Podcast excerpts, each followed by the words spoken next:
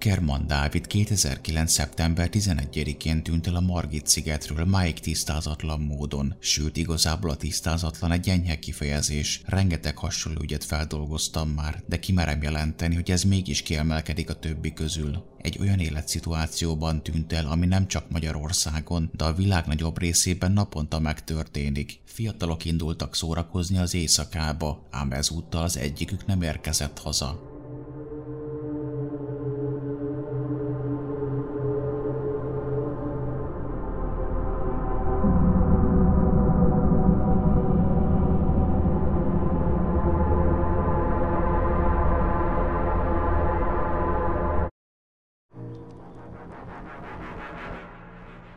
Kerman Dávid 1991. május 26-án született. Előbb vecsésre járt 2005-ig általános iskolába, majd innen a Belcsényi Miklós élelmiszeripari szakközébe ment tovább.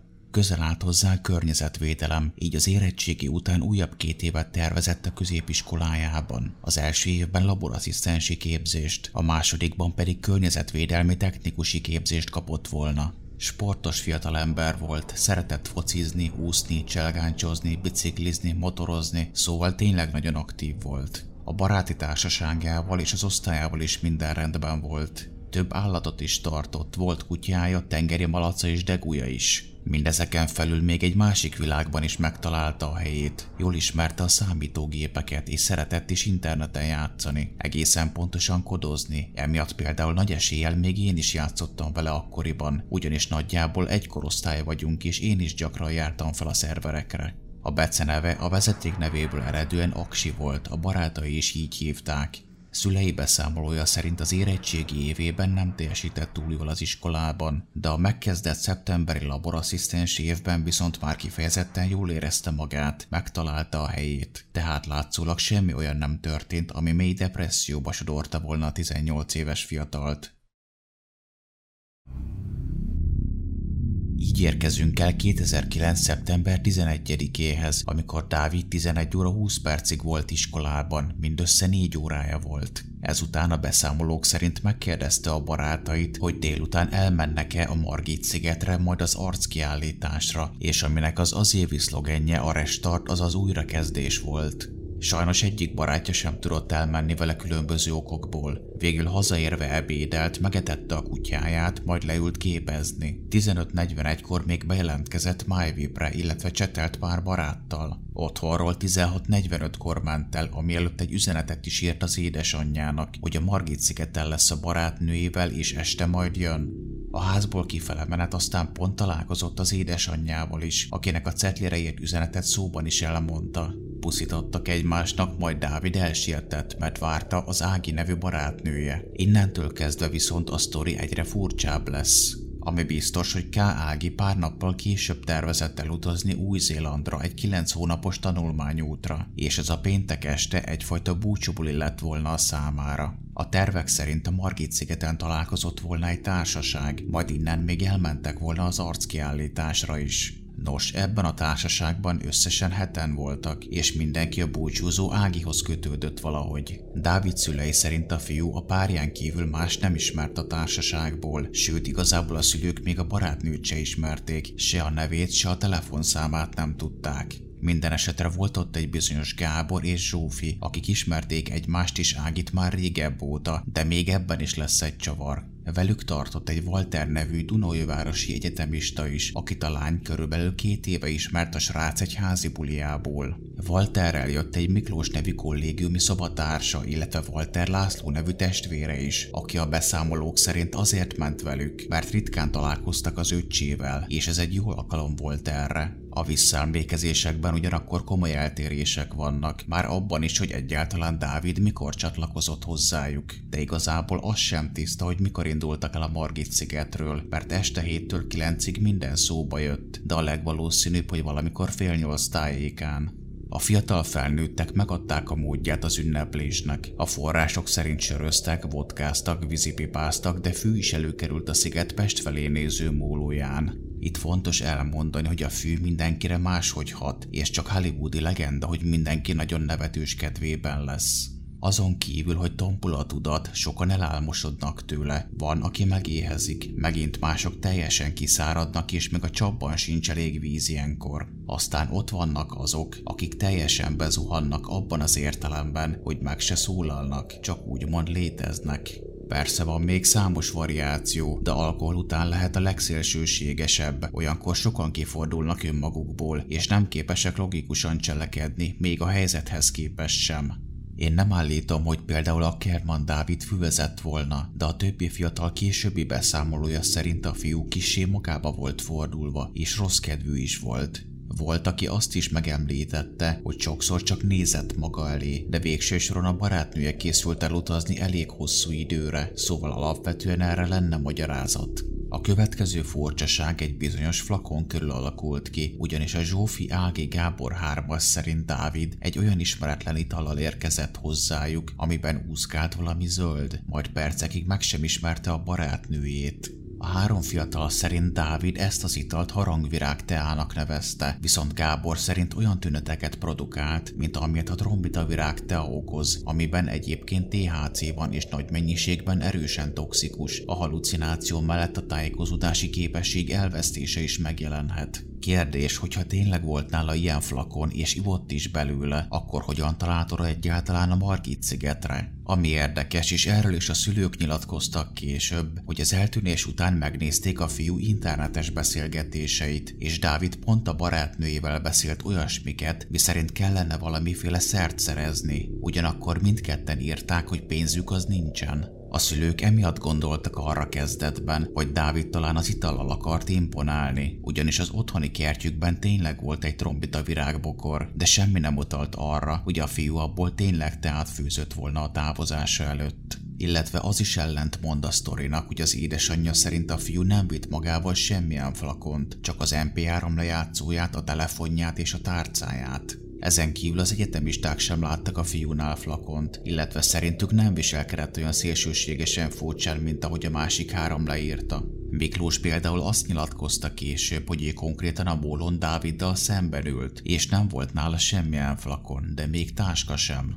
A szülők beszámolója szerint az első három fiatal egy egytől ötig terjedő skálán, ahol a legrosszabb az ötös, Gábor ötre, Zsófi négyre, míg Ági háromra értékelte Dávid állapotát. A kollégisták egymástól függetlenül egyesre, Walter bátyja, László pedig egyesre, Max másfelesre osztályozta az állapotát, illetve ő sem látott Dávidnál flakont. Az események után Dávid szülei már csak telefonon tudták elérni a barátnőt, aki akkor már úgymond nem volt biztos a flakonban. A szülők arra gyanakodtak, hogy azért, hogy önmagukat védjék, a három fiatal Gábor, Ági és Zsófi valójában csak kitalálta, hogy a fiú olyan furcsán viselkedett. Valaki biztosan beszerezte a füvet, azzal kapcsolatban viszont nincsen egyetértés, hogy Dávid is szívott-e belőle. Szülei ráadásul később a társaság tagjaival személyesen is beszéltek, és állításuk szerint a Gábor nevű illető már akkor elkezdte sorolni a kérdéses THC-s a hatásait, amikor ezt még fel se hozták a beszélgetés során. Tehát röviden, valamikor este hét után járunk, amikor hét eltérő mértékben bemindenezett fiatal ült a Margit sziget Pest felé néző mólóján, amikor egy nem tisztázott időpontban fogták magukat, és gyalog elindultak a négyes és a hatos villamosok megállója felé, hogy onnan tovább menjenek az arckiállításra.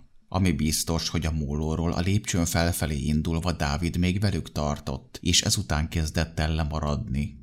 A barátnője elvileg időnként hátranézve ellenőrizte, hogy ott van-e még, de a vallomások alapján az a legvalószínűbb, hogy már a villamosok felé vezető lépcső előtt eltűnt a fiú. A szülők beszámolója szerint, akik ugye beszéltek az érintettekkel, Ági felhívta a párját, de az nem volt kapcsolható. Ehhez képest egyébként a társaság több tagja sem tudta felidézni az állítólagos telefonhívást. Helyette inkább azt mondták többen is, hogy a lány a Gábor nevű barátjával ment a sor elején.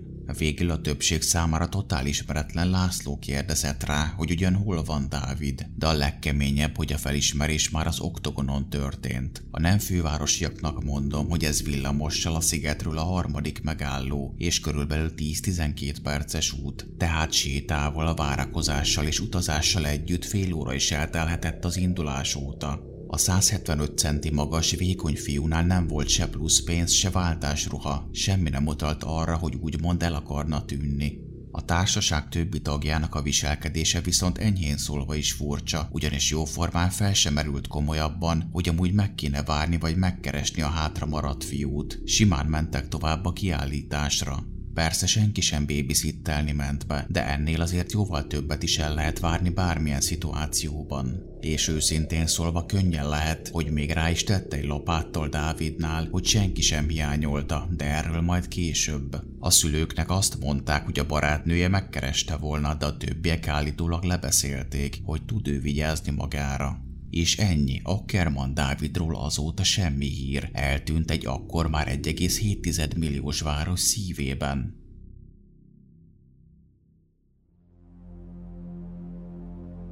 A tárcáját benne az irataival másnap reggel nyolc után találták meg a szigeti rendőrállomás előtti padon. A szétesett telefonját a mólótól jó 50 méterre egy lépcső alján találta meg egy hajléktalan, de a társaság útjával ellenkező irányban. Az illető aztán ezt továbbadta egy másiknak, aki még öt napig használta egy másik szímkártyával és új elő- és hátlappal. Érdekes módon a telefon végül nem került meg, mert a hajléktalan szerint öt nap után ellopták tőle. A szigeti biztonsági kamerák felvételeinek megnézéséig október végén jutott el a hatóság, viszont ezek tartalma a kérdéses napról másfél hónap elteltével már rég törlődtek. Az pedig szintén Dávid szüleinek a beszámolója, hogy bizonyos térfigyelő kamerák megtalálása is nekik köszönhető, ugyanis a rendőrség azt a tájékoztatást adta nekik, hogy a közelben nincs térfigyelő kamera. Hát kiderült, hogy mégis van, de egyiken se volt semmi használható a hatóságok akkori közlése szerint. A másfél hónap egyébként tényleg botrányosnak tűnhet, de fontos elmondani, hogy a hatóságnak muszáj követni egy eljárásrendet, és be kell tartania a vonatkozó törvényeket, de erről is majd később.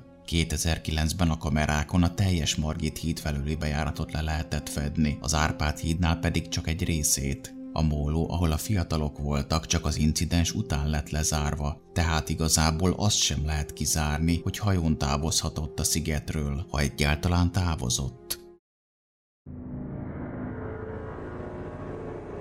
Dávid eltűnését az édesanyja jelentette be másnap reggel, de már előző este gyanakodtak a szülők, miután a gyerek a megszokottal ellentétben nem jelentkezett be. Ilyen korábban nem fordult elő. A rendőrök akkor azt mondták neki, hogy 72 óráig nem tehetnek semmit. Hétfőn pedig a szülők elmondása alapján csak annyit tettek hozzá, hogy tinédzser biztos haza fog menni. Az édesapa azt nyilatkozta később, hogy kilenc napig konkrétan semmi sem történt az ügyben. Jelenleg is egy millió forint nyomra vezetői díjat ajánlanak annak, aki bármit is tud Dávid hollétéről. Később pedig több szemtanú is előlépett, mint akik látták a fiút az eltűnése után. 2009. november elején például négy gödöllői egyetemista Józsefnek az édesapjának mondta el, hogy szeptember 11-én este 9 és 11 között Dávidot látták filmesztelenül rendkívül rossz állapotban fel alá járkálni a szigeten. Megkérdezték, hogy segíthetnek-e, de ő elutasította ezt, majd tovább ment.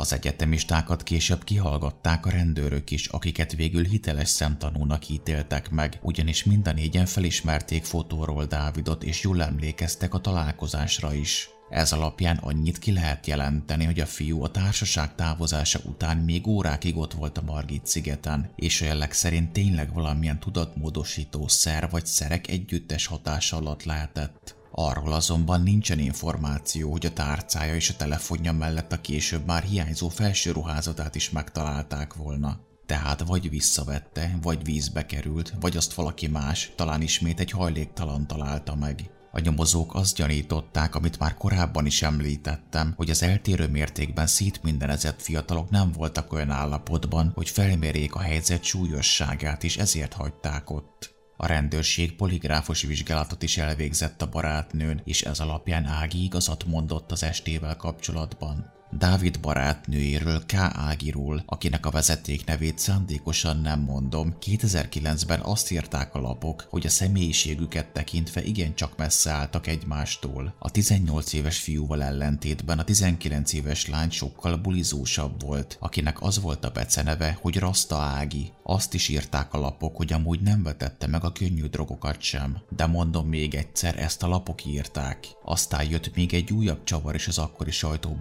sajtóbeszámolókban. Állítólag a Gábor nevű illető, akivel a távozás után a lány elölment a sorban, konkrétan a párja volt korábban, még Dávid el nem hódította tőle. Ha pedig ez igaz, akkor az új-zélandi utazás mellett az is lehúzhatta a fiú hangulatát, hogy konkrétan a barátnője exe is ott volt a búcsúztatáson, ergo féltékenység is közrejátszhatott aznap este. Emellett poligráf ide vagy oda, a család által felbérelt Hangya Gábor magánnyomozó az évek során további furcsaságokat is megosztott. Például, hogy magára a tanulmányútra is érdekes módon derült fény. Az események után ugyanis a szavai szerint külföldön nyoma veszett Ágnesnek, és úgy kellett jóformán csellel megtudniuk, hogy hol tartózkodik. Küldtek neki egy üzenetet, amire egy honlap címét tüntették fel. Ez a weboldal aztán, miután Ágnes megnyitotta azt, meghatározta a tartózkodási helyét, ami az új-zélandi Auckland volt. A szülők pedig azt mondták el, hogy az ominózus este után két nappal utazott ki a lány, és azonnal számot is cserélt, így elsőre amellett, hogy külföldre ment, a rendőrség se tudta kihallgatni. Az eredeti számát is onnan kutatták vissza, hogy Dávid korábban küldött a lány telefonjáról SMS-t az édesanyjának. Ami szintén megdöbbentő, hogy a szülők elmondása szerint a társaság tagjai az incidens óta többségében elzárkóztak tőlük. Dávid barátnője már az elejétől nem volt hajlandó segíteni, később pedig a számcsere mellett letörölte magát évről és Facebookról is. Egyedül a két egyetemista, Walter és Miklós beszélt a nyilvánosság előtt a történtekről. Ági dolgai tény, hogy gyanúsak lehetnek, de szerintem részben csak arról volt szó, hogy nem akart lemaradni egy rendőrségi eljárás miatt a tanulmányútról, és ezért csinálta mindezt, a törléseket és a számcserét. A szülők teleplakátolták a város Dávid képével, teljes dobozokra is felkerült az arcképe, a hatóságok pedig szonárral nézték át a Dunát, igaz másfél hónappal az eltűnés után és csak a parlamentig. A szülei ma is mindent megtesznek a fiúk megtalálásáért, bár egészségügyileg szinte már belerokkantak az eltűnésbe. Joli, az édesanyja kórházba is került, az édesapjának szintén voltak egészségügyi gondjai, Gergely bátyja pedig sokkal zárkózottabb lett, illetve sajnálatos módon Dávid kutyája is elpusztult, miután nem volt hajlandó enni a gazdája eltűnése után. Az eltelt években országszerte is sokan jelezték, hogy Dávidot látták. Ilyenkor mindig nagy reményekkel ültek autóba, de sajnos eddig csak a csalódás várta őket, akárhova is mentek. A legközelebb akkor voltak, amikor egy éjszaka telefonált nekik a nyírbátori rendőrfőkapitány, hogy megtalálták Dávidot és ott ül a kapitányságon. Még az illető fényképét is átküldték a szülőknek, és kísérteties volt a hasonlóság. A szülők közel sokkos állapotban már a kocsiban ültek, amikor ismét hívták őket, és kiderült, hogy a megtalált férfi egy közeli szociális otthon lakója, aki már többször megszökött, és akit az apja azonosított. Magyarországon évente több ezer kiskorú tűnik el. 2020-ban novemberig 15.400 körözést adtak ki. Viszont ezzel kapcsolatban fontos elmondani, hogy ez nem 15.400 eltűnt gyereket jelent, ugyanis ha mondjuk valaki százszor tűnik el, akkor százszor indítanak körözést is. Azt is érdemes tudni, hogy ebből a 15.400 körözésből az ORFK adatai szerint 1567 esetben rendeltek el eltűnés miatt körözést gyermekkorú, azaz 14 év alatti fiatalra, a maradékot pedig a 13-18 év közötti korosztályra. A kiskorúakra kiadott eltűnés miatti körözések száma emellett 5-6-szor akkora mennyiségileg, mint amennyit a felnőtt korúakra adnak ki átlagosan évente de ha már statisztikák, akkor az eltűnt kiskorúak mintegy 30%-a a bejelentés megtétele után egy napon belül, újabb 30%-a a bejelentés után egy héten belül, még 35%-a egy hónapon belül kerül elő. Vonatkozik ez a 2014 és 2020 közötti időszakra, és összefoglalva az ilyen esetek 95%-a egy hónapon belül megoldódik. A 2009-es jogszabályi környezetben az adatgyűjtés és nyomozás a törvény szerint 90 napig tartott, ami után fel lehetett függeszteni az ügyet, ha nem sikerült új információt szerezni az eltűntről, de ettől függetlenül az eltűnési bejelentés 20 évig érvényes. Dávid ügyét a Monori rendőrkapitányság vitte, ugyanis noha Budapesten történt az eset, nem volt bűncselekményre utaló nyom, a vecsési lakosok pedig oda tartoztak. A Dávidról készített pszichológiai profil alapján kizárták, hogy például bujkálna. Az öngyilkosságot a megtalált pénztárca és telefon alapján zárták ki, ugyanis egy ilyen személy alapvetően nem gondolkozik azon, hogy hova tegye az értékeit, hanem inkább egyből beleugrana a Dunába. Ennek mond ellent az is, hogy Dávid gyakorlott úszó volt, így ha akár véletlenül is, de beleesett volna a vízbe, a partra még könnyen kiúszhatott volna. De ha mégse tudott volna kijutni a vízből, ahol testen nagy eséllyel legkésőbb egy-két hónap elteltével előkerült volna a folyó egy másik szakaszán, most arra pedig már 12 év telt el. Dávid címkártyáját nem sikerült megtalálni, ami viszont az érintetlen tárcájával kapcsolatban érdekes, hogy ugyebár nem hiányzott belőle semmi, tehát nem rabolták ki, hanem valószínűleg eldobta vagy elhagyta. Ami viszont tény, hogy a tárca valahogy átkerült a sziget pesti oldaláról a budaira a rendőrőrselé. Kérdés persze, hogy ki vihette oda. Erre szerintem a legészszerűbb magyarázat, hogy valaki olyan, akinek alapból nem voltak rossz szándékai, de nem akart érintkezni a rendőrséggel sem. Nagy eséllyel én itt is egy hajléktalanra gondolnék, ez alapján pedig könnyen lehet, hogy ugyanaz az illető találta meg a tárcát és a telefont is. Utóbbi megtalálóját ugyanis szintén nem sikerült felkutatni, csak a másik hajléktalant, akinek odaadta. De ami a legkeményebb az egész ügyben, és ebben is osztom a szülők véleményét, maga a gondolat, hogy hogyan tűnhetett el egy ember a Margit szigetről úgy, hogy senki nem látott semmit és nem hallott semmit. Úgy, hogy már 2009-ben is több ezer ember járt oda sportolni és szórakozni. Ha Dávid tényleg rossz állapotban félmesztelenül témfergett, akkor ez miért nem tűnt fel másoknak is a gödöllőjeken kívül? Csak mellékesen említem meg, hogy a Margit szigetről saját megfigyelés alapján is el tudom mondani, hogy azon kívül, hogy Budapest 2009-ben küllemét tekintve is sokkal barátságtalanabb volt, a szigeten több banda is működött. Egy egyedül bóklászó fiatal pedig elég könnyű célpont lehetett, de persze ez is csak spekuláció. Arról sincs információ, hogy amúgy a sziget csatorna rendszerét átvizsgálták volna. Akkoriban egy régi belső hálózat gyűjtötte össze a szennyvizet mindenhonnan, ami aztán a sziget déli csücskében került tisztítatlanul a Dunába. De ott vannak például a hulladékgyűjtők is, illetve azok súlyadatai is, amiket Kori megkék szomorú ügye óta tudjuk, hogy muszáj lenne átnézni. A magánnyomozó beszélt mindenkivel a társaságból, és ő kerekperec kijelentette, hogy nem hiszi, hogy bármelyiküknek is köze lenne Dávid eltűnéséhez. Ezt szerintem el lehet fogadni, viszont akkor azt is, hogy ha akartak volna, akkor tudtak volna segíteni a Kerman Dávidon, ha látják, hogy nincsen jól. Sajnos ez nem történt meg, a 18 éves fiú pedig a mai napig nem került elő.